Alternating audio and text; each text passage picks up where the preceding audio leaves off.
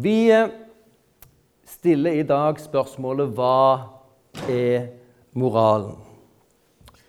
Og Det er interessant at vi stiller det spørsmålet i dag. Vi lever nå rett inn i det 21. århundret, og vi er nettopp ferdig med det 20. århundret. Det 20. århundret var et århundre som var mer blodig enn kanskje noe annet århundre i historien. Flere millioner mennesker ble drept gjennom kriger, gjennom ideologier og statssystemer enn verden noen gang har sett før. Og eh, Det gjør det jo litt presserende for oss å tenke igjennom ja, hva er denne moralen? Er vi egentlig så opplyst? Og vi vet jo den dag i dag skjer det jo veldig mange alvorlige ting rundt omkring. Um, hvordan kunne de?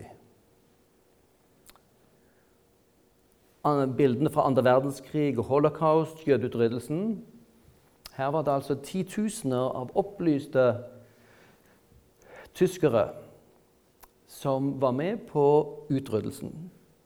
Høyst brutal, hjerteløst.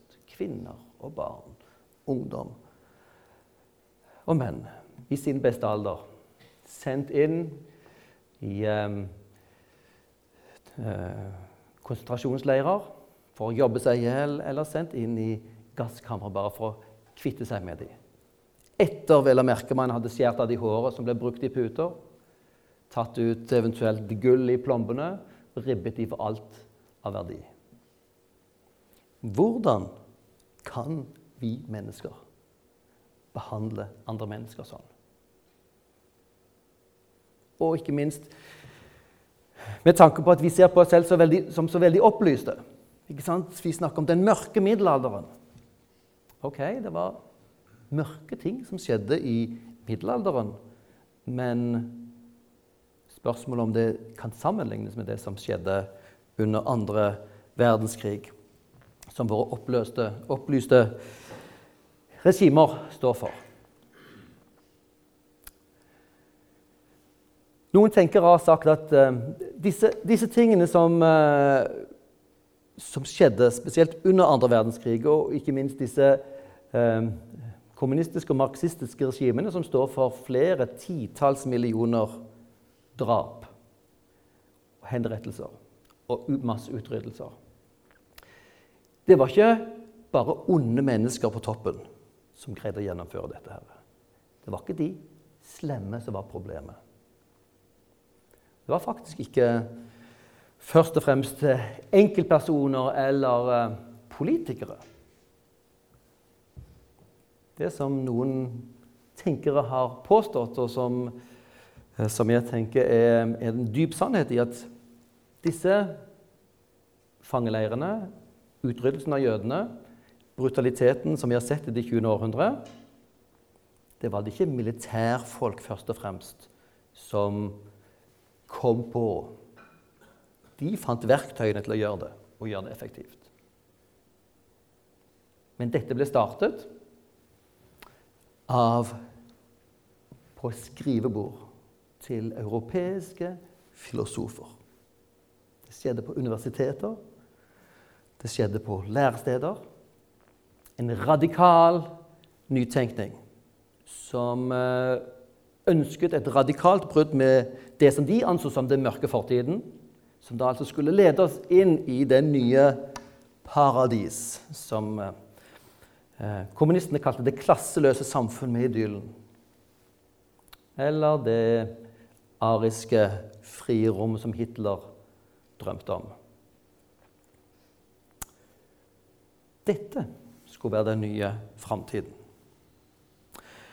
Og eh, jeg kan ikke tenke meg noen annen eh, filosof eh, som er mer relevant å kikke på når det gjelder dette spørsmålet med bruddet med fortiden og eh, de radikale ideene i nåtiden, enn en som kaller seg Friedrich Nietzsche. En filosof som døde i 1900 som sies å være faren for mye av den moderne tenkningen vår. Eh, noen av dere vet muligens at han eh, døde som, eh, som en gal, og så kobler man det med hans veldig radikale filosofi.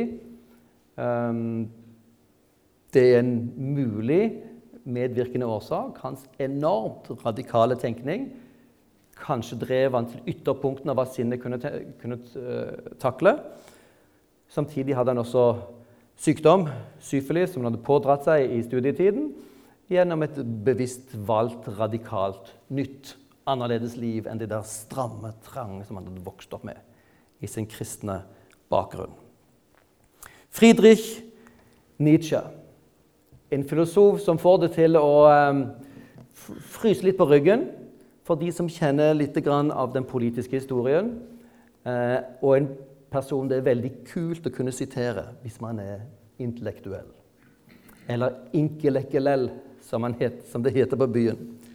Kan du sitere Friedrich Nietzsche, da står det respekt av deg. Men Friedrich Nietzsche er ikke noen lek, er ikke noe stoff for barnehager. Han kalles jo eh, filosofen med hammeren. Han som slo om seg og knuste all tenkning, filosofi, omkring seg og gjorde det helt bevisst for å kunne skape en helt ny filosofi, en ny framtid. Han, eh, han, sa, han var vokst opp som kristen og tok et radikalt brudd med det. Og når han da analyserte hvordan ting hang sammen, så så han det slik at uh, denne troen på Gud, som hans foreldre hadde hatt, og som mange i Europa fortsatt har, det er en tro som gir grunnlag for en objektiv mening og moral. Fordi det finnes en Gud, finnes det selvfølgelig mening. Gud har en mening med skapt verden, med mening med meg. Det snakket vi også om sist gang. Tanken om Gud gir mulig å forankre mening i noe objektivt, uforanderlig utenfor meg. Og dette, eh, og den samme ideen om Gud, den kristne skapergud, eh, gir grunnlag for å tro på at mennesket har en iboende verdi. Og Det er et begrep som brukes rundt omkring i politikk og i livssynssammenheng. Mennesket har iboende verdi. I den kristne tenkningen dette, henger dette sammen med at Gud skapte mennesket i sitt bilde. Det er som en mynt med stempelet på. Det stempelet bekrefter verdien av den mynten. Om mynten er slitt eller gammel eller blank, så har den samme verdien. Eh, og det at mennesket er skapt i Guds bilde, sier Nietzsche, gir da folk en idé om at mennesket har en objektiv, iboende verdi som ingen kan ta fra dem. Dette gir en trygghet. Vi trenger dette. Vi trenger å tro på mening. Vi trenger å tro at vi har en iboende verdi. Og Nietzsche så det psykologiske i dette. her. Men han var veldig klar på at nei, Gud er død. Det er det han er kjent for. Gud er død. Han mente jo aldri at Gud hadde levd noensinne. Gud finnes ikke. Gud er bare en idé som noen har konstruert. Og de har konstruert den for å dekke over det faktumet at livet er meningsløst. At livene våre ikke har noen objektiv verdi. For det er det vanskelig å leve med. Gud er død. Gud er en konstruksjon, og den gir rett og slett en falsk trygghet.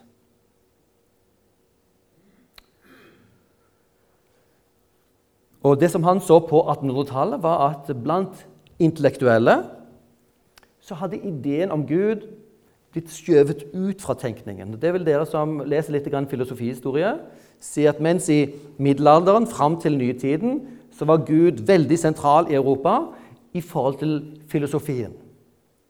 Det forankret troen på fornuften, på mennesket, på mening, på moral osv.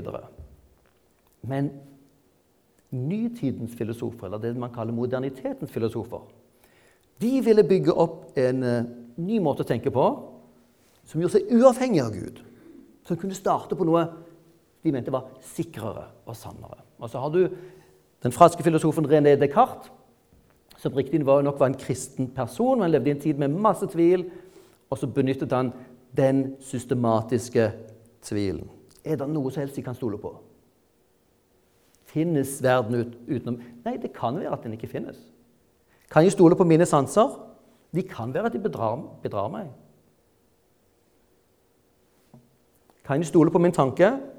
Det kan være at den også bedrar meg. Men det er én ting jeg vet helt sikkert, sa Descartes. Det er at jeg tviler. Det var han bombesikker på. Og så sa han ja, hvis jeg tviler, så betyr det jo at jeg tenker. Og dermed kan jeg vite jeg til. Og dermed kunne han bygge opp filosofien sin på bombesikker, sånn som han så det. Bombesikker grunn, helt uavhengig av åpenbaring, uavhengig av Bibel eller Gud. Selv om han sjøl var en kristen person, så levde han i den kaotiske tiden under, under eh, religionskrigene på 1600-tallet, hvor, hvor, man hadde mistet tilliten til de religiøse autoritetene, som nå satt, eh, ikke satt, men løp rundt og drepte hverandre i forferdelig blodige kriger. Er det noen vi kan stole på?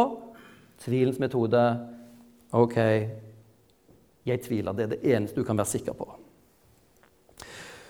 Og Sånn var det mange filosofer som da begynte å ville gjøre sin tenkning helt uavhengig av troen på om det fantes en gud eller ikke. Og man var i begynnelsen ganske optimistisk på disse svarene. Nietzsche gjør dette her ganske tydelig. Vi trenger en befrielse fra den illusjonen, fra den løgnen. At det liksom er en gud, en sånn kosmisk kosebamse som sitter der oppe og gir oss verdi og mening. Det er en konstruksjon. Det er noe mennesker har skapt.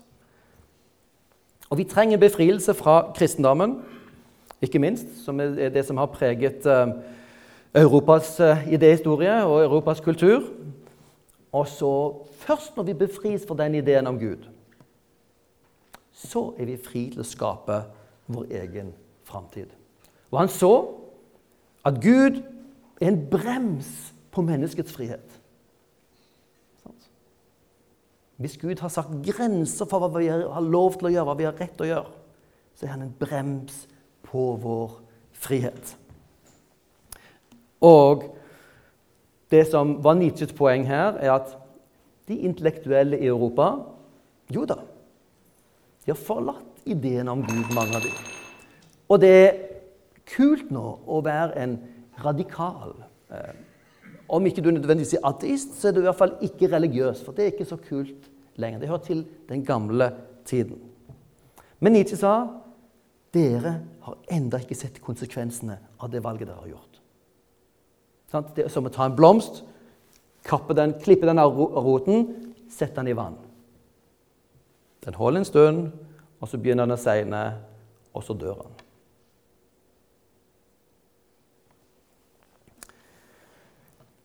La oss se litt på hva Nietzsche sa om moralen. Hva er moralen hvis Gud ikke finnes? Og Han hadde en egen teori om moralens genealogi, moralens opprinnelse.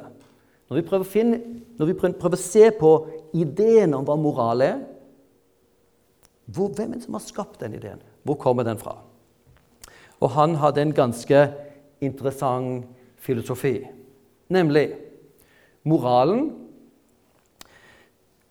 Den ble egentlig skapt av jødene. Jødene som så på seg som sin historie, de hadde vært et slavefolk. Og så kunne de konfrontere farao med å si at vet du hva, farao? Det finnes noen som står over deg. Vi tilhører en som er over deg. En gud, nemlig vår gud, Javé. Fordi vi tilhører Han, så må du slippe oss fri. Og dermed så fikk, eh, fikk jødene gjennom den fortellingen om befrielsen fra Egypt inn denne her fortellingen. Ja, det finnes noen gud over alle guder. En gud over farao. En gud som, vil, som kan si 'Farao, dette har ikke du lov til å gjøre'. i virkelig gamle dager, som vi snakker om i, eh, i eh, før Jesu tid, på Gammeltestamentets tid, så var det nemlig slik at kongene var veldig nær opp til gudene, og de nærmest eide sitt folk. Og ingen hadde rett til å bremse en konges eh, aktiviteter. Og så kommer jødene opp med denne ideen. Det fins bare én Gud, folkens, og det er vår Gud tilfeldigvis.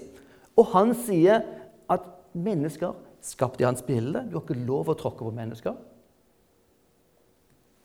En meget slu idé. Ideen om monotismen, som jødene kom opp med ifølge Nietzsche, det er ideen eh, som gjorde at de svake fikk makten over de sterke. Ikke sant? Hvis du som en enkel husmann, som et enkelt menneske, kan gå til en konge gå til din sjef og si 'Dette har ikke du lov til å gjøre'. Jeg er skapt i Guds bilde. Du står til regnskap overfor en Gud som vil dømme deg. Så har du makt. Du har makt over de mektige. Okay, Du kan ikke rive dem ned fra pidestallen, du kan ikke kaste dem fra deres, plass, deres myndighetsplass. Men du har retten til å kreve respekten for ditt verd. Så Nietzsche hevder at um, gjennom oppfinnelsen av monoteismen så greide dette slavefolket å konstruere en idé som gjorde at de sterke måtte bremse seg. De måtte hemme seg. De hadde ikke lov til hva som helst. Nietzsche ser jo at helt klart denne ideen er en konstruksjon. Det er litt latterlig konstruksjon. Tenk, i 2000 år i Europa har den ideen fått hersket at det er noen ting du ikke har lov til å gjøre, uansett om du er konge eller soldat. Fordi mennesket er ukrenkelig. Veldig rar idé. Det har hemmet makten blant de som har trodd på dette, her, i hvert fall. Um, og det er en trist ting, ifølge Nietzsche, å leve på denne løgnen. Han sier det Gud finnes jo ikke. Moralen er et komplott som, får, som hemmer den sterke, og den sterke burde jo absolutt ikke hemmes. Vi burde frigjøre oss fra begreper om godt og vondt. Og eh, det eneste som står igjen da, er faktisk min vilje til makt. La oss høre et uh, sitat fra Nietzsche. Han uh, har noen uh, titler på sine filosofiske verk som ikke du vanligvis finner, som f.eks. 'Antikrist'. Det er da karakteristisk Nietzsche krasses krasse kristendomskritikk, kulturkritikk, men husk at det han kritiserer, er kanskje vel så mye moderne humanisme, som sier vi trenger ikke noen Gud. Vi kan jo tro på mennesket likevel. Og tro på moralen. Nietzsche sier moral? Hva er moralen uten Gud? Det er bare et forsøk på å manipulere andre til å være snill med deg. Til å dempe seg. Her sier Nietzsche i, um, i um, verket sitt 'Antikrist'. Han ønsker å sette opp et alternativ til den kristne moralen som han kalte slavemoral, fra slavefolket, som tilba en stakkar som hang på et kors, det ynkeligste og skammeligste du kan kjenne til i menneskenes historie. Det gjør mennesket svake når du tilber noe så ynkelig og svakt, mente Nietzsche. Og så hører dere Nietzsches alternativ her. Hva er godt? Jo, alt som hever følelsen av makt, viljen til makt, selve makten i mennesket. Hva er ondt? Jo, alt som utgår fra svakhet. Hva er lykke? følelsen av at makten øker, at en motstand overvinnes. Ikke tilfredshet, men mer makt. Ikke fred i det hele tatt, men kamp. Ikke dyd, men dyktighet. Eller dyd i renessansestil virtu. Dyd fri fra den moralske syren. De svake og veike skal gå under. Det er det første prinsippet i vår filosofi. Og man skal hjelpe dem til det. Og hva er mer skadelig enn noen last? Aktiv sympati for de veike og svake. Kristendom. Dette er det nye universet som Nietzsche vil invitere oss inn i. Det finnes ikke noen Gud. Det finnes ikke noe opp ned i dette universet. Det finnes ikke noe rett og galt. Fordi Gud er vekke. Mennesket har ikke noen iboende verdi, for det er ikke, noen, det er ikke noe å legge den iboende verdi. Hvorfor ikke bare tilby, tilbe makten? Og um, Vi som kjenner historien i etterkant av Nietzsche sant? Når vi hører dette, her, så hører vi ekkoer av det som skjedde under andre verdenskrig. Hitler. Hitler som hadde Nietzsche på nattbordet sitt og delte, den, delte bøker av Nietzsche til Stalin og Mussolini. Mussolini fantastisk inspirasjon. Nå var ikke Nietzsche noen antisemitt, men dere ser at eh, potensialet her for en diktator som ikke vil ha noen hemninger rundt seg, så er Nietzsche gefundenes fresten. Det er drømmemåltidet. Dette er akkurat det vi trenger for å slippe å forholde oss til begrensninger. Noen som sier 'du har ikke lov'. Hvorfor har jeg ikke lov når jeg har makt? Hva er så mennesket, ifølge Nietzsche? Jo, mennesket er den taustumpen mellom dyrene og overmennesket. Mennesket er ikke noe viktig bit. Vi er bare en del av evolusjonen, som for så vidt er et produkt av tilfeldigheter. Vi kommer fra et sted, fra dyrenes rike, og så skal vi et annet sted. Vi er bare den lille taustumpen der. Og så er hans oppfordring, utfordring der Hvis dere velger å dyrke det svake, det svake som er samlet liksom i symbolet med korset, det ynkelige, det svake, det lidende, som hele kristendommen representerer, hva kommer til å skje? Jo, menneskeheten kommer til å bli svakere og svakere og til å gå under. Vi må kaste denne moralen til siden, bli fri fra moral og bygge opp det som man kaller overmennesket. Det som har gjort sine valg om hva det vil med sitt liv. Og gjort, drastisk, modig, gjort en drastisk og modig beslutning. Og det er interessant at mange av de eh, det vi kaller postmoderne filosofene i dag har lest Nietzsche sterkt inspirert. Michel Foucault, Peter Singer er noen av navnene som henviser til Nietzsche som en viktig inspirasjon.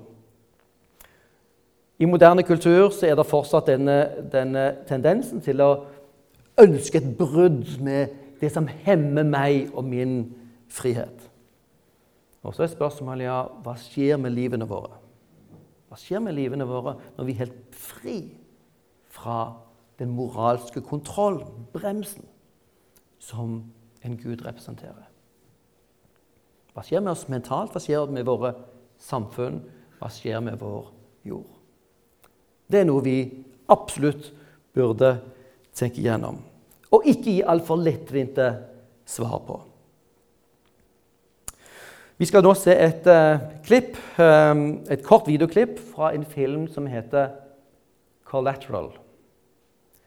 Det er en film om en leiemorder. Tom Cruise spiller hovedpersonen Victor.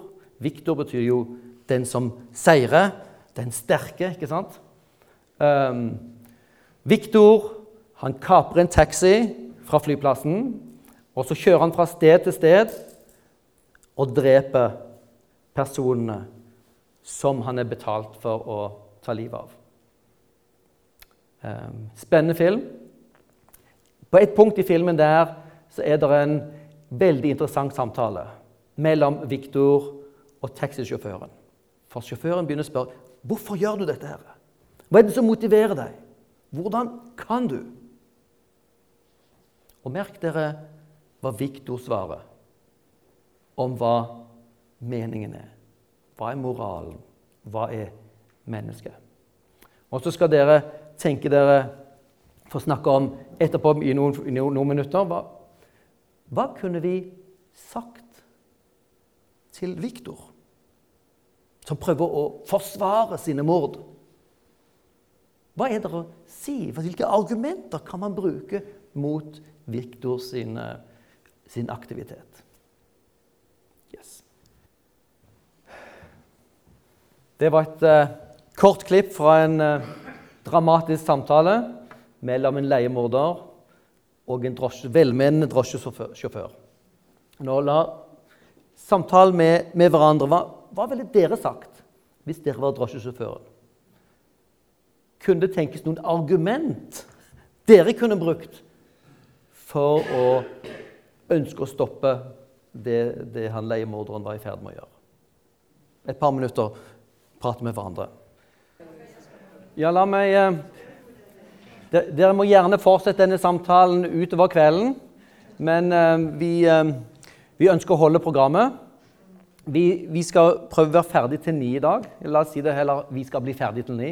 Oss droppe den med den prøven her.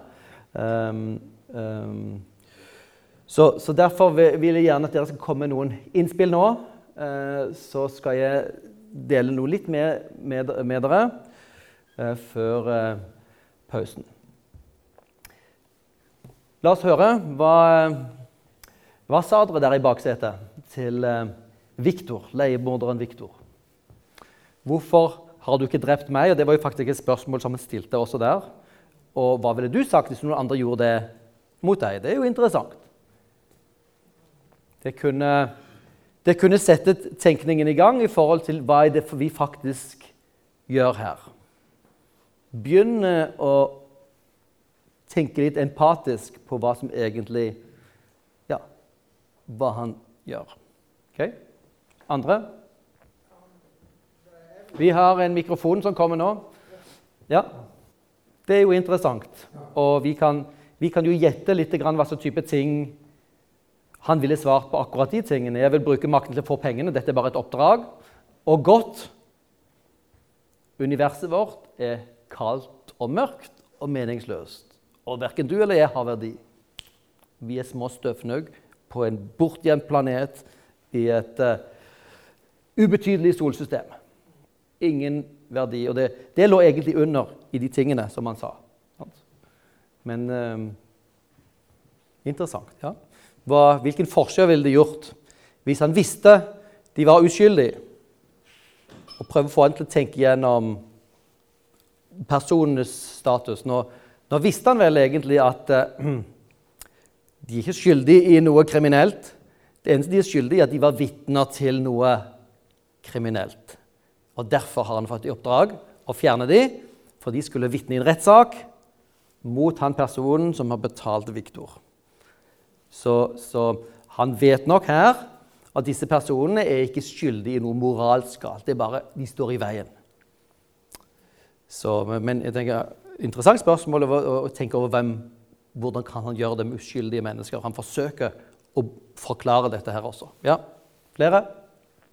Flott det er interessant at uh, en, en, tanke om, om uh, hva er det som gjør han så iskald og hard. Og dere merket vel hvilke ting som han hva, hva er det med deg? Du er syk. Du, er, er, du en av de som har vokst opp på disse her barnehjemmene? Sant? Og der traff han nok noe. Sant? Eh, det er en skade i han også som, eh, som som kanskje trenger å møtes med noe annet enn bare et argument. Som du sier. Eh, hvis han ikke har møtt kjærlighet, så gir jo ikke dette her eh, så veldig mye mening. Livet er kaldt. Og, ja, interessant.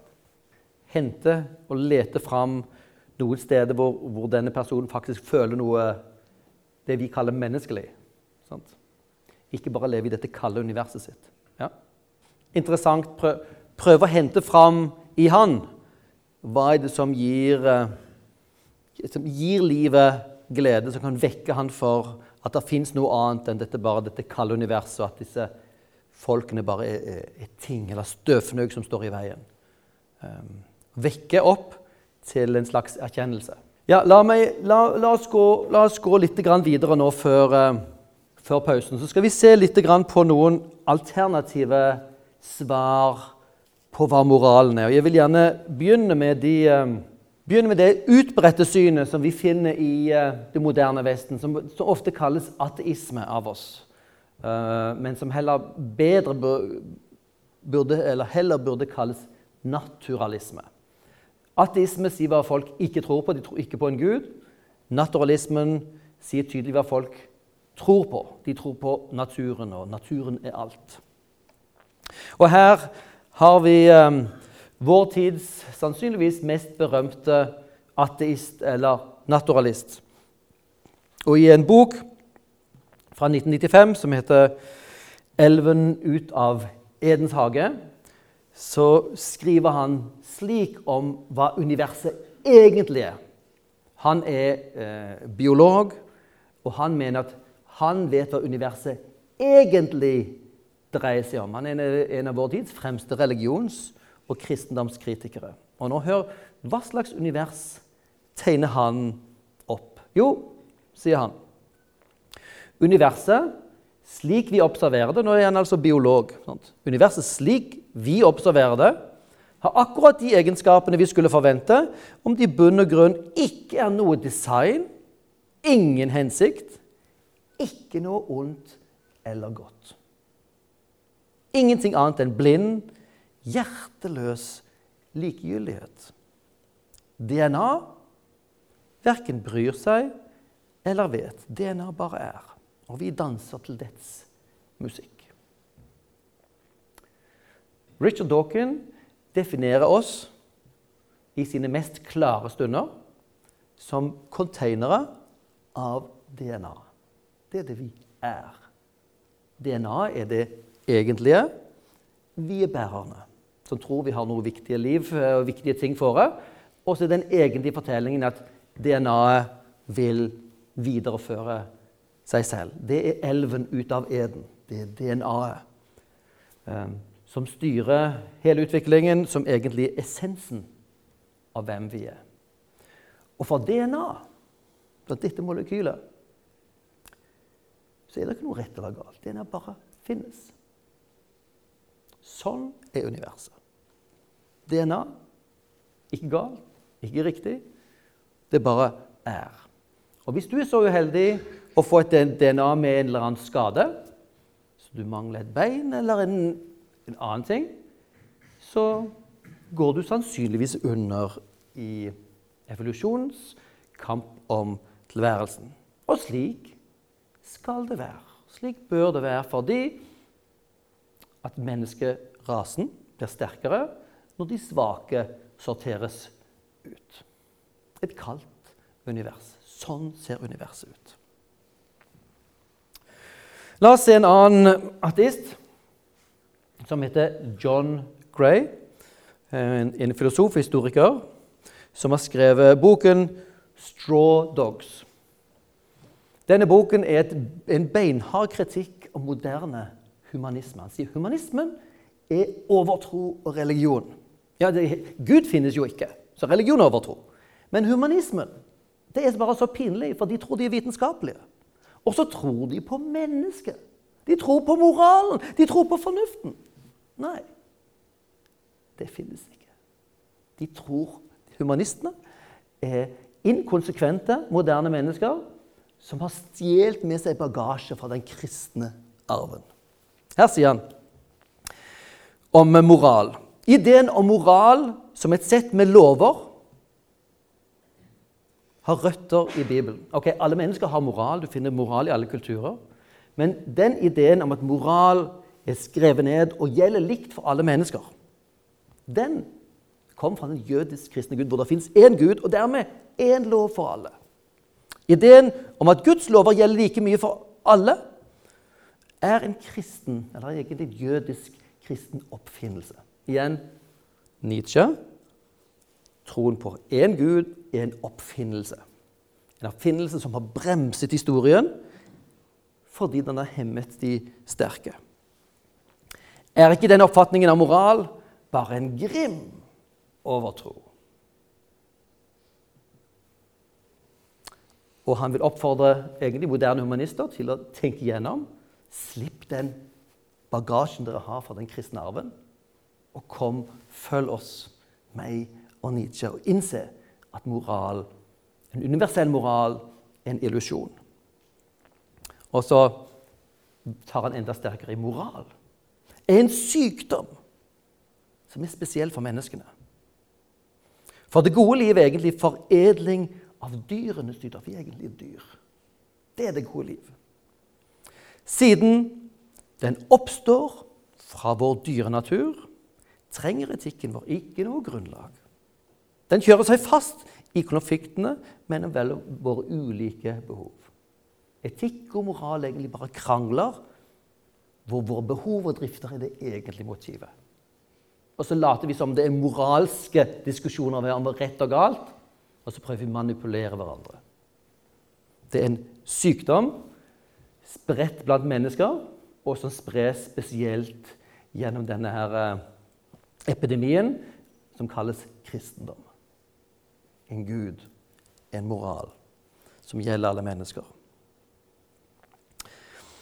Peter Singer, en av vår tids fremste filosofer, han kom på listen av uh, The Times um, når, uh, når, de hadde listen over de 100 viktigste personene i, ved, ved var uh, 2000-skiftet. Hva sier han? Jo, han bekrefter dette samme, formulerer det på en litt annen måte. Menneskeverd. Det er en fordom nedarvet fra jødedom og kristendom. Det er interessant, Peter Singer har jo egentlig jødisk arv. Noen av hans foreldre eller besteforeldre ble utslettet i, uh, i jødeutryddelsen. Men han har tatt et radikalt brudd med sitt opphav. Og Nietzsche var viktig for han. Menneskeverd. Vet du hva menneskeverd gjør? Jo, gjør at, menneskeverd gjør at vi diskriminerer dyrene. Du kan ikke spise de på sykehjemmet, men du kan spise de som er inne på uh, båsen i fjøset. Hvorfor kan du spise noen dyr, men ikke andre? For vi er jo dyr. Vi er bare pelsløse, nakne pattedyr. Det er det som er. Sånt. Hvorfor har du ikke lov å spise mennesker? Det er så forferdelig ille. Men du kan spise hva som helst av dyr. Det er ulogisk. Hvis ikke du er jøde eller kristen som tror at mennesket har en unik rolle. Hvis du er biolog og ateist som Richard Dawkins, da har du egentlig ikke rett til å tro på menneskeverdet annet enn at du bare innrømmer ja, jeg bare låner den ideen fra dere. Men den er ikke logisk, fordi mennesket er bare et høyt utviklet dyr. Og Peter Singer vi må si vi må kvitte oss med denne fordommen. Vi må bygge etikken på et helt annet grunnlag. Og han er jo bestefar til dyrevernbevegelsen. Han vil løfte opp dyrs rettigheter. Vi kan ikke bare snakke om menneskerettigheter og ikke om dyrs. Men tenker vi som kristne har faktisk noe å lære av å lytte til ansvaret vårt for dyrene. Vår, vår mishandling av, av, dyrene i det industrielle dyreholdet vi har, er noe vi burde tenke alvorlig over. Er dette i samsvar med vår forvaltningsoppdrag? Er det slik vi behandler Guds skaperverk? Vi vet de har følelser. En ting er å spise dem og, og, og, ta livet av noe, men en annen ting er å, å presse dem inn i svære, svære, rom og la de leve snevre, eh, fantasiløse liv eh, bare for å vente på slaktingen. Så det med å løfte dyrenes eh, moralske verdi har faktisk et poeng fra et kristent perspektiv. Men han vil fjerne menneskeverdet og snakke om at vi har bare litt mer verd enn menneskene. Det er noe å tenke på. Disse er, forsøker å være konsekvente ut fra utgangspunktet om at Gud finnes ikke. Og alle ideene som henger fast i den forståelsen av hva Gud er, de må vi forlate. Sånt. Hvis ikke du tror på julenissen, så ikke insister på at vi skal ha julenissen sine gaver.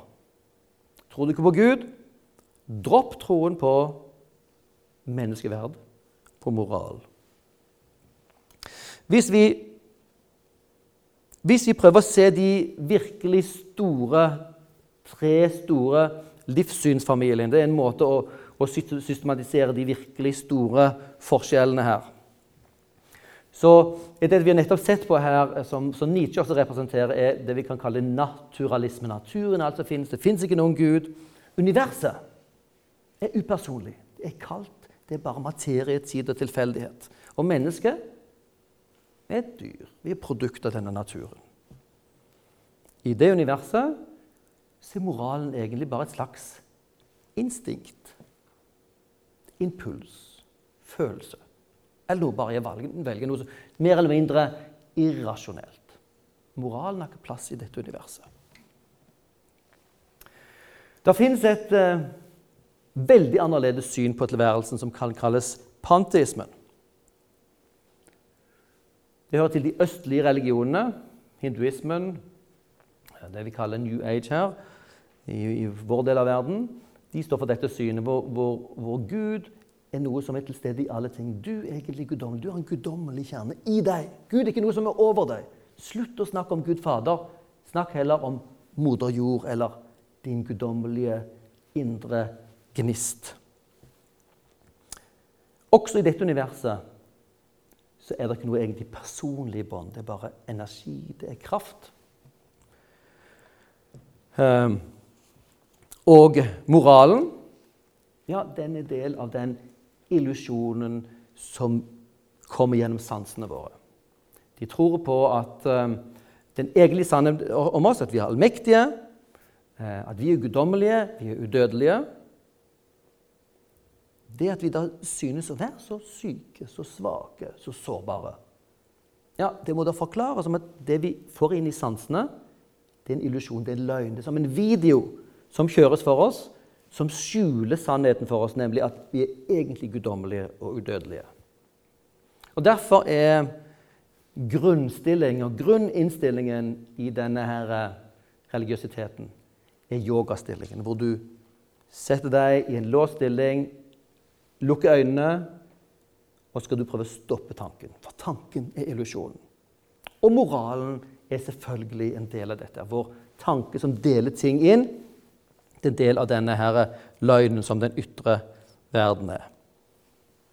I kontrast med disse to store eh, livssynsalternativene så kan vi tegne opp monotismen, den kristne troen. Og, jødedommen deler også disse forestillingene, nemlig troen på at det finnes faktisk én Gud. Og Det var jo dette som Nietzsche kjempet sånn imot. Men han så at det følger jo logisk av denne troen på én Gud. Ja, vi lever i et univers som faktisk er personlig. Moralen er en del av båndene i universet. Mennesket er skapt i hans bilde, derfor har mennesket en, en ukrenkelig verdi. Og moralen er ikke bare vår oppfinnelse. Nei, moralens bunn er egentlig i Guds karakter og det gjelder å, å, leve i samsvar med Guds vilje. Det er menneskets mål og mening. Å finne Gud, og dermed finne Guds mening. Og Dermed kan hele våre liv finne sin plass i en større mening, hvor moralen er med på er en del av hele det regnestykket. Moralen er ikke et sånn fremmed ting. Moralen er heller ikke et manipulerende verktøy du bruker for å hemme den sterke. Moralen er eh, den, den sansen vi har for den guddommelige følelsen av moralens virkelighet. Det finnes noe galt. Vi blir opprørt av ondskap. Og det burde vi bli. Det er også Gud. Vår moralsans er altså noe som peker oss i retning av virkeligheten og av en Gud. Og sånn som en del av dere påpekte i samtalen, så det å vekke mennesker for viktigheten og betydningen av vår verdi, av vår glede, av kjærlighet, av mening, er en del av det vi er kalt til å gjøre. Fordi det finnes en Gud som bærer denne meningen, også denne moralen. Dette er de tre store livssynsalternativene. Og dere ser her, Det er ikke, ikke opplagt at moralen har en dyp mening. I begge disse to livssynsalternativene er moralen en del av en slags illusjon. I den kristne troen så er moralen en del av essensen av hva det vil si å være menneske. Essensen i hvordan vi forstår vårt dypeste problem og løsningen på det. Og Det skal vi se på etter pausen. Nå skal vi ha eh, 15 minutter med eh, litt eh, frukt uti der. Og så samles vi her nøyaktig kvart over. Hvor vi skal høre Paulus forklare moralens mening i romerbrevet. Vi skal nå se på eh, Vi har sett at det er ulike oppfatninger av moral. Eh, og jeg har ønsket å understreke at eh, i vår tid kan man ikke lenger ta noen svar for gitt. At moralen har noen objektiv forankring, at menneskeverdet er noe som, eh, som er noe virkelighet bak, er noe vi ikke lenger kan ta for gitt. Og så er det, er det viktig at vi um, um, når, når, vi hører disse her eh, radikale filosofene, som, som eh, Friedrich Nietzsche, så er vår magereaksjon av og til å, å, å, Nei, dette vil vi ikke høre. Dette er for radikalt. Dette er helt forkastelig. Men det som vi trenger å, eh, eh, trenger å merke oss, er at han setter fingeren på noen veldig avgjørende punkt. Han får oss til å se ting som vi ellers ikke ser. Han får oss også til å bli bevisst eh, på at vi kan ikke ta noen ting som en selvfølge, og faktisk aller minst moralen, som er en av de svære diskusjonstemaene i dag, og som selvfølgelig dermed også er en av de, eh, en av de store utfordringene som presenteres for kristen tro. Hvis du ikke har et moralsk problem med kristendommen. Det er liksom de tingene som veier tyngst. Eh, og hvis dere har vært rundt omkring på Grill en kristen eh, som skjer rundt omkring i mange steder i Norge i regi av laget Så jeg har vært på det noen ganger også. Det som, det som skjer da, er at ok, vi har hatt en presentasjon, vi har gitt argumenter for Guds eksistens. Jesus har faktisk stått opp, han er virkelig person. Og så kommer spørsmålene. Hva med Og så er det spørsmål om sex med en gang. Seksualiteten. Seksuelle varianter osv. Det er moralske spørsmål. Og så kommer de moralske innvendingene. Hvordan kan du tro på en god Gud? Det, det, er et argument som sitter dypt, og som rammer oss veldig hardt. For i bunnen av vår tro ligger det jo en tro på ikke bare en Gud, men en god Gud.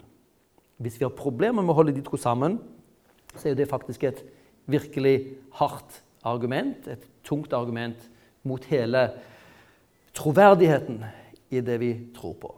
Så moralen er en av de svære tingene i vår tid eh, som vi ikke skal ta noe for gitt i forhold til, men hvor vi skal la oss utfordre.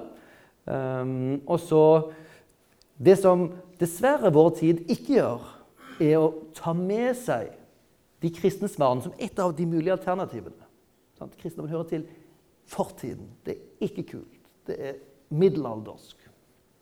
Og dermed så lar man være å undersøke et av de viktigste ressursene, ikke bare for vår kultur, men for tenkning.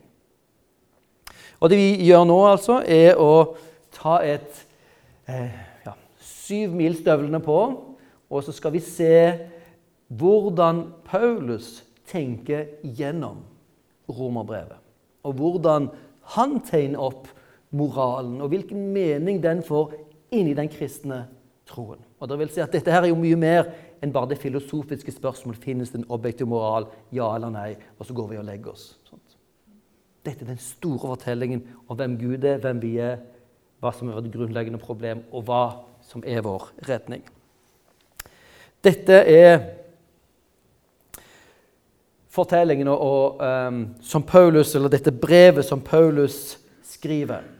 Og husk det er en ting som jeg er blitt gjort oppmerksom på her nå bare siste året, at uh, å skrive et brev sånn som romerbrevet vi, vi, kunne se for oss at ja, dette kunne vi um, I mine lyse stunder, hadde jeg hatt en helg, så kunne jeg nok skrevet et romerbrev. Sånn, skrevet et brev på en 10-15-20 sider. Det kunne gitt mening. Uh, Riktignok hadde jeg ikke greid å strukturere det under masse kladd. Da måtte jeg hatt en kone ved siden av meg, for hun kan starte på begynnelsen og ender på slutten. Og så er det faktisk struktur i dette. her. Riktignok en struktur som kan kritiseres, men dog. Når Paulus skrev romerbrevet, så var det et svært prosjekt. Det er ganske uvanlig langt for et brev, for brev er jo bare normalt ganske korte ting. Sånn som brevet til Titus og disse her, Det er sånn normal size. Å skrive et brev var kostbart. 25 000-30 000 kroner ville det kostet Paulus å få skrevet et brev. Og da måtte han ha en, en eh, ikke forfatter, en sånn skribent, en skriftlærd, som, som skriver for han. Og han dikterer, og så skriver han, og så, og så diskuterer man muligens grammatikken. Og så får man lese det, og så nei, vi vil rette på det, og så skriver man igjen. Og så får man normalt beholde et kopi, og så sender man ett kopi til mottakeren. Det var en svær prosess. Så når Paulus skriver dette brevet, så er det ikke liksom som han ligger ute på marken og må tro hva jeg skal si til romerne. Sånn. Han har noe viktig på hjertet. Dette er en investering. Um, og uh, hans formuleringer er ikke, ikke tilfeldige. Og Paulus etter de hilsenene som er helt vanlige, som du, du da alltid gjør i et brev 'Kjære mor, har du det bra? Jeg har det bra.' Sant? Vi lærte å skrive brev når vi vokste opp på internatskole. Sånn begynner du brev. Og så begynner du fortelling om ja, vet du hva, sist, uh, sist uke fikk jeg et flott førstedagsstempel. Kan vi få litt mer penger til å kjøpe godteri på kiosk Eh, osv.? Så, så kommer det du egentlig vil snakke om. Ha det bra på slutten. Sånn er brevene våre. Når Paulus skal begynne å snakke om det han eh, er opptatt av, så, er, så begynner fortellingen eller agendaen hans slik. For jeg skammer meg ikke ved evangeliet. Det er en Guds kraft til frelse for hver den som tror, jøde først, og så greker. For i det åpenbares Guds rettferdighet av tro til tro, slik det står skrevet, den rettferdige skal leve ved tro. Guds vrede åpenbares fra himmelen over all ugudelighet og urett hos mennesker som holder sannheten nede i urett. For det en kan vite om Gud, det ligger åpent foran dem. Gud har sagt, selv lagt det åpent fram. Hans usynlige vesen, både hans evige kraft og hans guddommelighet, har de fra verdens skapelse kunnet se og erkjenne av hans gjerninger. Derfor har de ingen unnskyldning. De kjente Gud, men likevel lovpriste de og takket ham ikke som Gud. Med sine tanker endte de i tomhet. Deres uforstandige hjerter ble formørket. Og så begynner noen mørke kapitler hos Paulus som beskriver samtiden. Hvordan kan det ha seg at mennesket lever i dette her kaoset? Og så viser han hvordan mennesket innvendig eh, eh, har blitt forvirret. La oss se på utgangspunktet til Paulus her. Jo, for det første Paulus regner med som en selvfølge her at Gud finnes. Gud finnes. Det er utgangspunktet for alt. Selvfølgelig finnes Gud. Og etter vi har lært litt om Nietzsche, så gir det som, som Paulus leser i Gammeltestamentet, en dyp, dyp mening. Dåren sier det finnes ingen Gud. Det betyr ikke at ateistene er dumme. Sånn leser vi denne her naive. Dåren er det onde mennesket. Det er Viktor. Baksetet. Han som har ønske om å ta livet av andre. Han har et ønske om at det ikke skal finnes noen Gud. For Gud er den som bremser oss. Men Gud finnes. Men folk, mennesker, er, samtidig som de lengter han, er de på vei bort fra han. Gud finnes. Han er forankring for moralen fordi han er god. Og det var bekjennelsen, det var sangene som eh, også Paulus hadde vokst opp med. Gud er god, han er trofast. Hans godhet, hans nåde varer til evig tid. Guds vesen er perfekt, fullkomment. Så når vi snakker om godhet, så er ikke det bare vår konstruksjon vår oppfinnelse. Nei, i bunnen av universet, før vårt univers ble til, så fantes godheten. Så når vi ser skjønnhet i skaperverket, når vi ser storhet, så ser vi noe av et glimt av den skjønnheten, storheten, godheten som Gud er. Og Derfor kan du lese dette i salmen i Gamle Testamentet. Hvordan så stor du er, Gud. Se, du har plassert disse planetene og stjernene her oppe. Så stor du må være. Og så vakkert dette her er. Og så pålitelig. Din trofasthet varer til evig tid. Du er så fullkommen som solen ikke sant, som skinner, og som er pålitelig. Hele skaperverket vitner om noe som er større enn oss og som er fullkomment.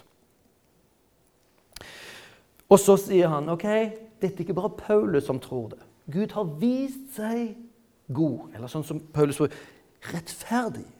Gud har åpenbart sin rettferdighet. Vi, ordet rettferdig er et veldig rart ord for oss. Det betyr at ok, Rettferdig betyr at gi alle barna de samme summen med ukepenger. Sant? Det er rettferdig. Behandle alle folk likt. Men det er jo strengt tatt ikke det. Du gir ikke kniv til små barn. Um, det å behandle et menneske etter hvem det faktisk er, og hva det faktisk trenger, det er jo det som er rett. Så rettferdig betyr egentlig det som er riktig og rett, og sånn, ting, sånn en ting var ment. Guds rettferdighet har Gud vist. Gud har vist sin godhet. og Han har vist det på to måter. Og Paulus begynner med det gode budskapet. Ved de gode nyhetene. Vi tror Evangeliet bruker vi det, er et gresk ord som betyr gode nyheter. Er akkurat som gode nyheter som kommer fra slagmarken når din, eh, din konge har vunnet i striden. Så sendes det en, en herold som drar tilbake igjen til, til, landet sitt og til hovedstaden og sier 'Vi har vunnet'. Å, god nyhet.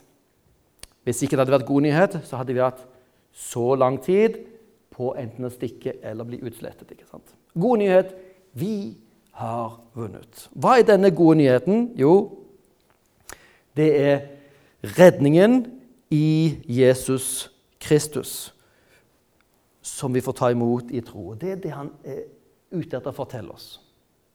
Gud har vist sin ufattelige godhet gjennom måten å behandle oss mennesker ved at han sendte Jesus sin egen sønn. Og vi vet jo at han døde og sto opp for oss. Og ved tillit til han, altså Han kommer til å gi oss en gave. Ved at vi tar imot den gaven i tillit, det er det tro betyr, så får vi, får vi del i den redningen. Igjen så vi bruker ordet frelse og tro som religiøse begreper, men det er det, det disse tingene faktisk betyr.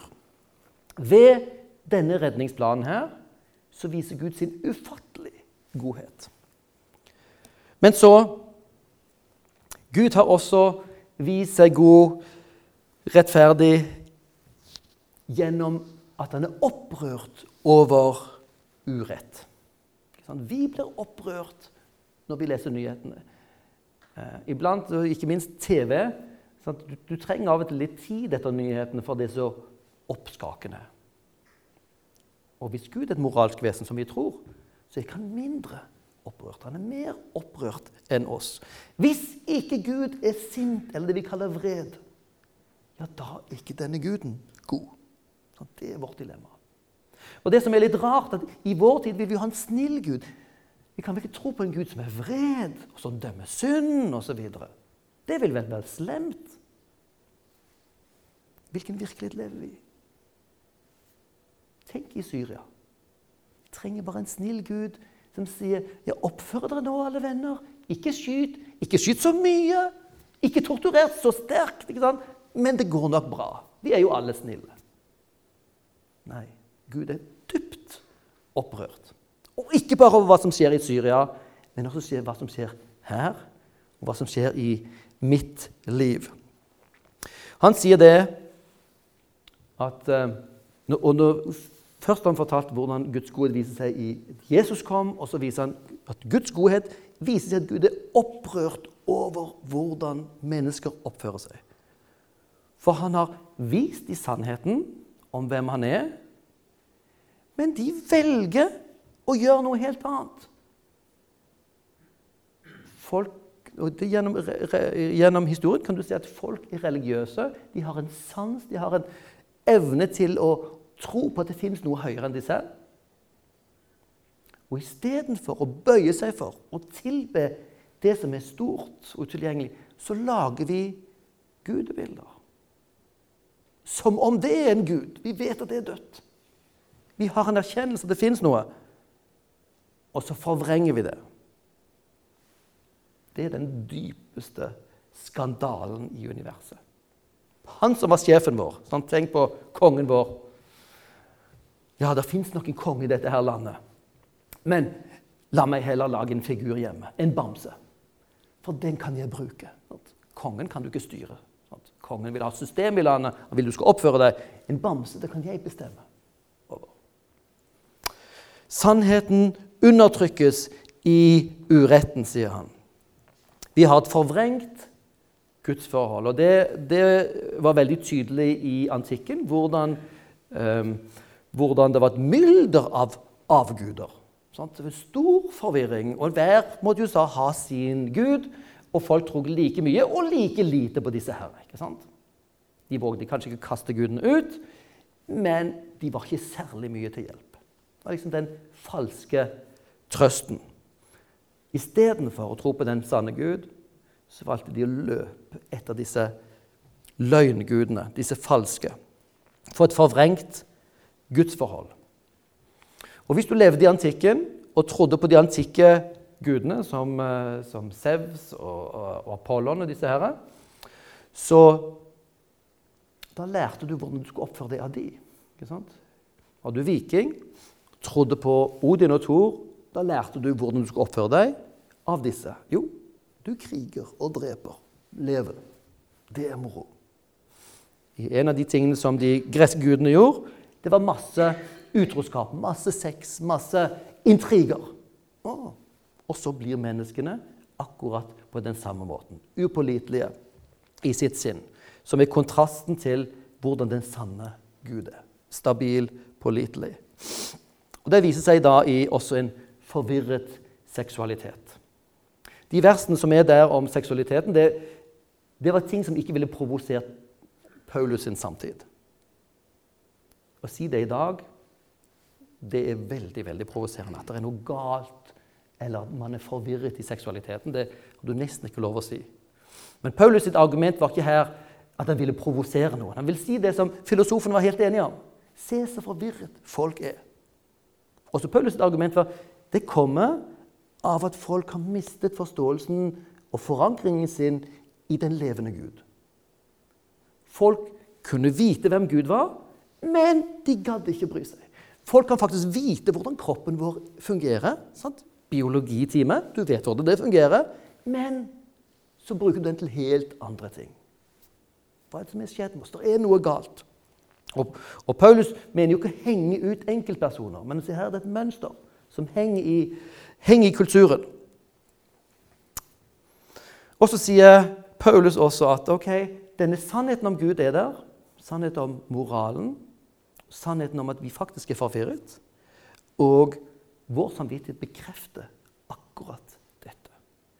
Så når det som man kaller hedningen, som er folk, når de stadig driver og anklager hverandre sant, for svik og moralsk forfall, ja, da bekrefter at de har Guds lov i sitt hjerte. Se, de er opptatt av hva som er rett og galt. De er jo riktignok uenige, men de er veldig opprørt, og de argumenterer. Jo, de har Guds lov.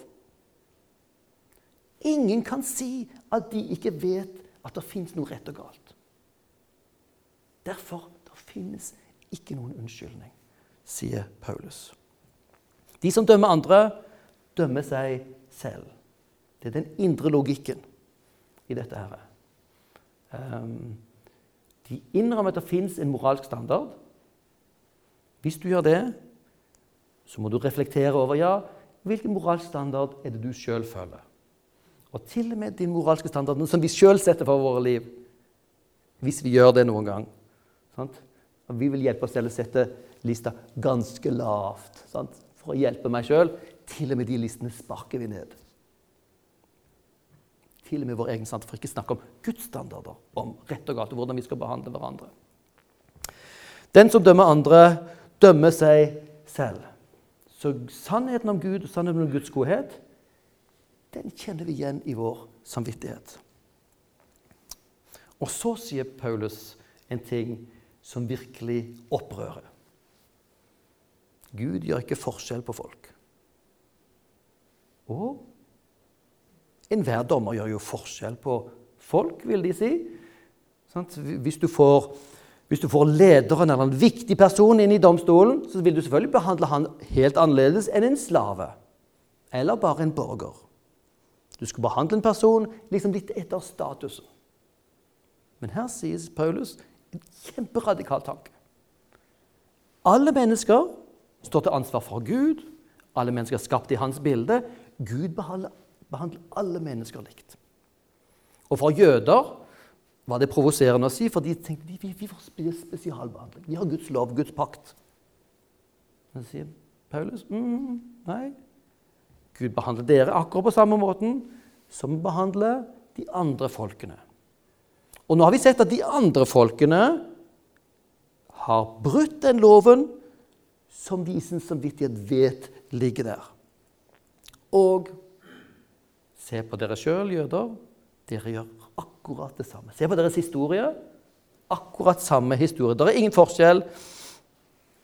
Og Gud er oppriktig opprørt over alle. Ser dere den indre logikken her? Og Det kan være noe av grunnen til at vi har ikke lyst til å gå for dypt inn i moralske spørsmål. Vi vil gjerne snakke om menneskerettigheter og, og hva folk gjør der borte. Men hvis det fins noe objektivt rett og galt, så plutselig slår dette tilbake på oss selv. Og Paulus sin in your face statement er det at jo, Gud er helt oppriktig opprørt. Ikke bare over de i Syria, ikke bare over IS, men over alle oss som har tråkket på Guds navn, som ser ned på hverandre, som i hjertet vårt misunner hverandre, for det er akkurat det samme som å stjele. I hjertet er det akkurat det samme. Gud er opprørt over de tingene. Og han er rettferdig opprørt over det er Paulus sitt store poeng. Hvis han er moralsk, så må han være det. Han driver ikke med spesialbehandling fordi du har oppført deg litt bedre. så det kan ikke være så farlig. Du har bare litt rusk i hjørnet. ikke sant? Sånn ser vi på alle på oss sjøl. Til og med de kriminelle ja, de er ikke så mye verre enn andre. Og det er egentlig litt sant. Egentlig litt sant. Er de så veldig mye verre enn oss andre?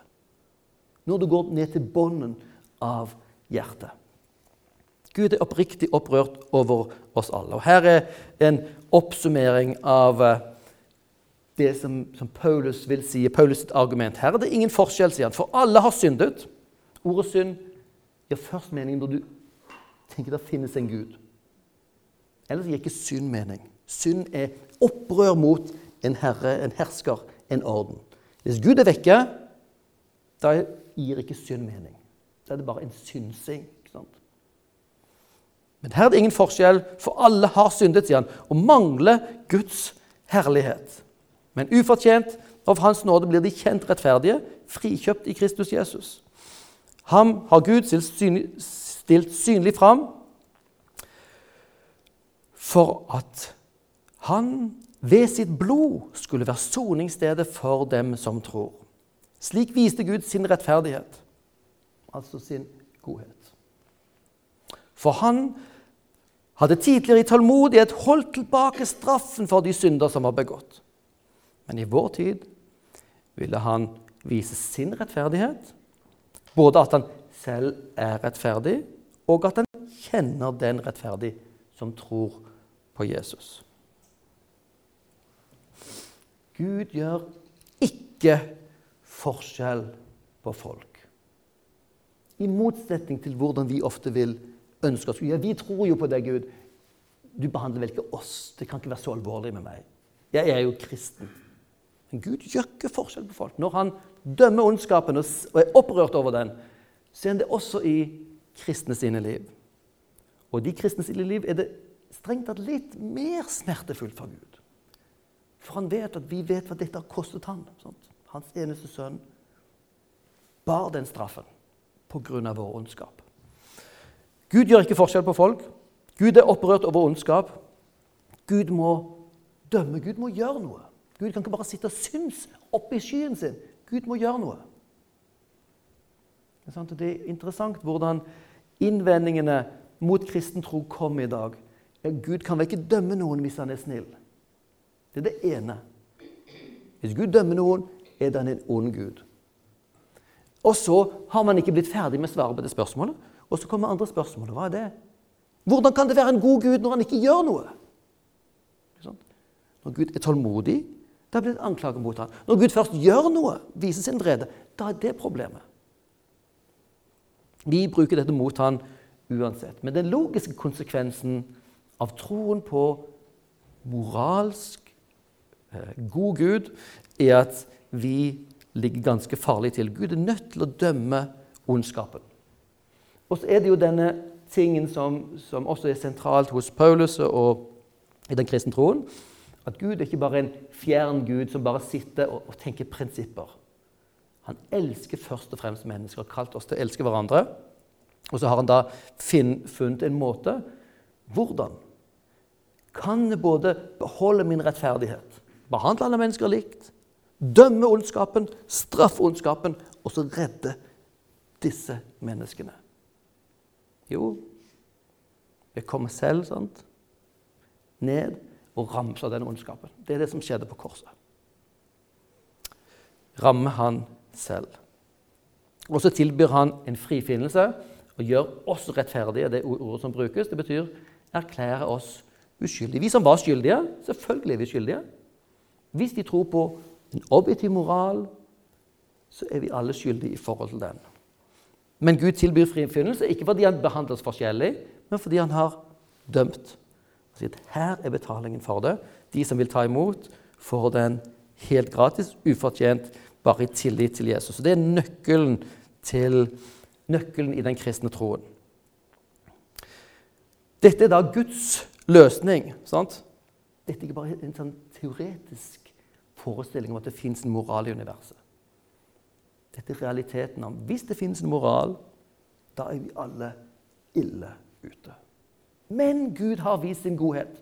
Ikke bare gjennom at han er vred på synden, men at han bar straffen for den synden. En ufattelig tanke. Og Filosofen Tertulian sa at uh, den tanken er så umulig at det må være sant. For vil, hvilken filosof ville satt seg ned og tenkt ok, mennesket fortjener å dø? Mm -hmm. La oss tenke på en god løsning. Ja, vet du Hva jeg foreslår? Hva om Gud kommer ned og blir straffet for den ondskapen? Var ikke det en fantastisk idé? Det ville være et, et hån, ikke sant? Forferdelig. Hvilket menneske skulle komme opp med en sånn idé? At Gud, fullkomne Gud skulle rammes av den ondskapen?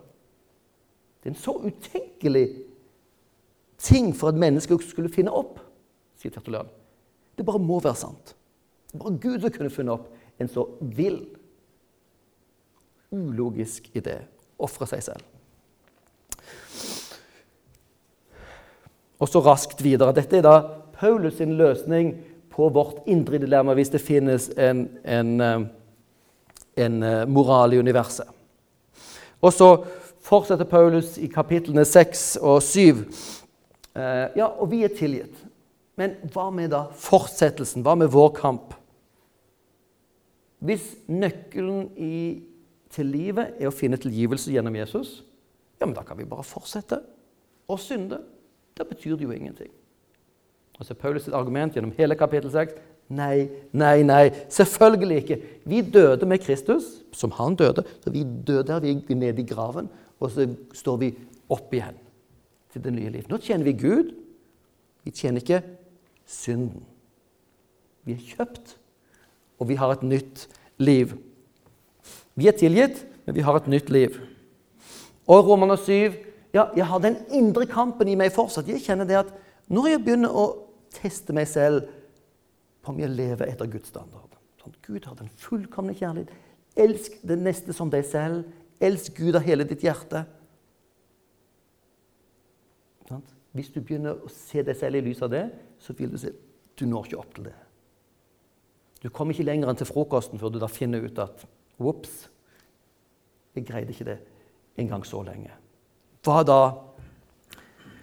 Når til og med jeg trekkes imot onde, når jeg vet en ting er forbudt, så kjenner jeg det ekstra interessant. Hva er det med mitt skakkjørte hjerte som, som trekker meg dit?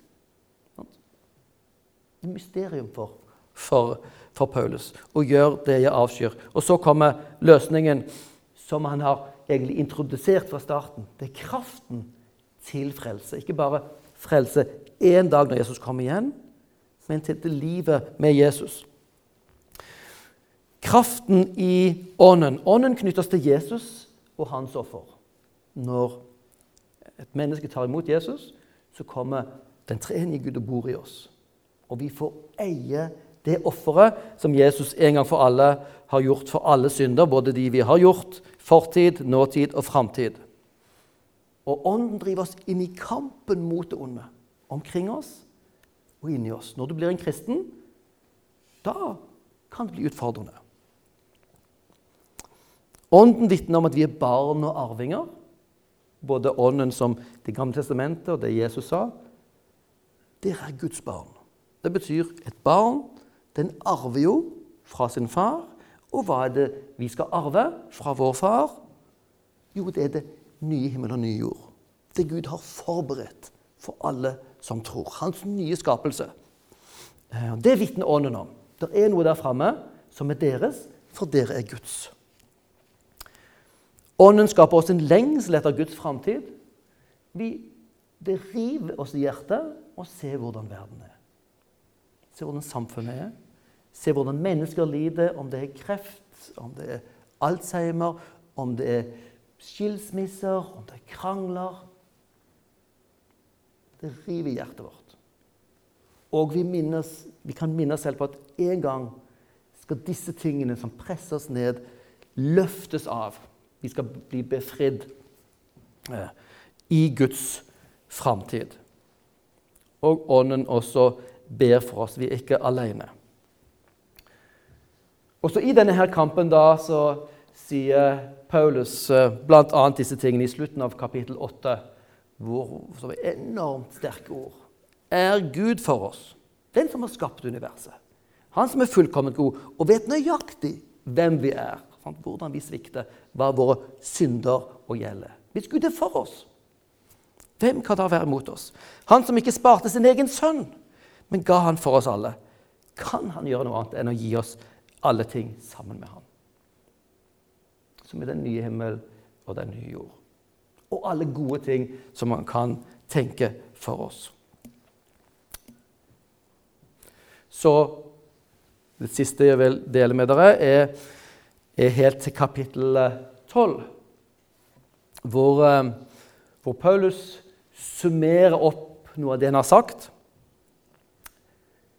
Derfor formaner jeg dere, brødre, ved Guds barmhjertighet, bær kroppen fram som et levende og hellig offer til glede for Gud. Det skal være deres åndelige gudstjeneste. Innrett dere ikke etter nåværende verden, men la dere forvandle ved at sinnet fornyes, så dere kan dømme hva som er Guds vilje, det gode, det som er glede for Gud det fullkomne.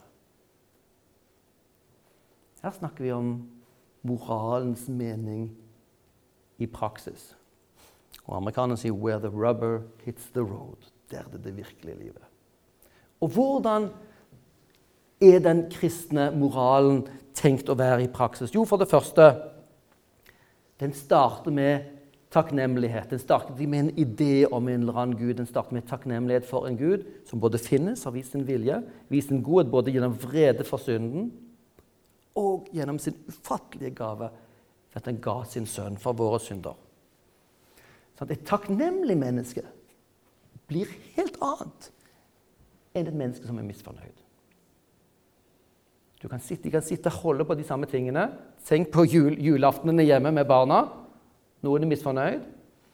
Det er barnet som er fornøyd, har plutselig en helt annen relasjon til hele sin omverden og til seg selv. De som tror på Jesus, de som tar imot denne Guds gave, starter livet med en sånn en overskudd av godhet. Vi er overøst av Guds godhet, sånn at det kan renne ut igjen. Takknemlighet er starten.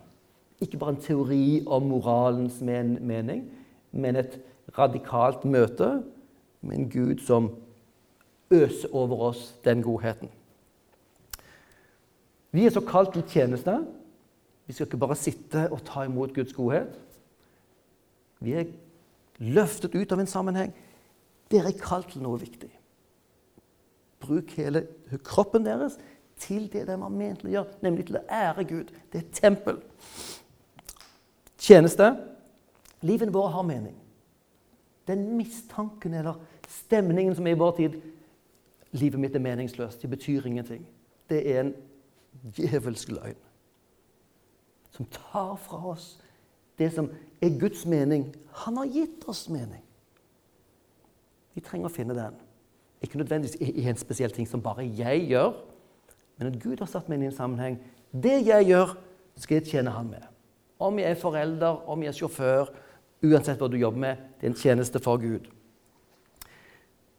Det å kjenne Gud betyr også motstand. Det blir en kamp. La dere ikke bli helt like denne her samtiden, som vil presse dere inn i sine former og forståelser.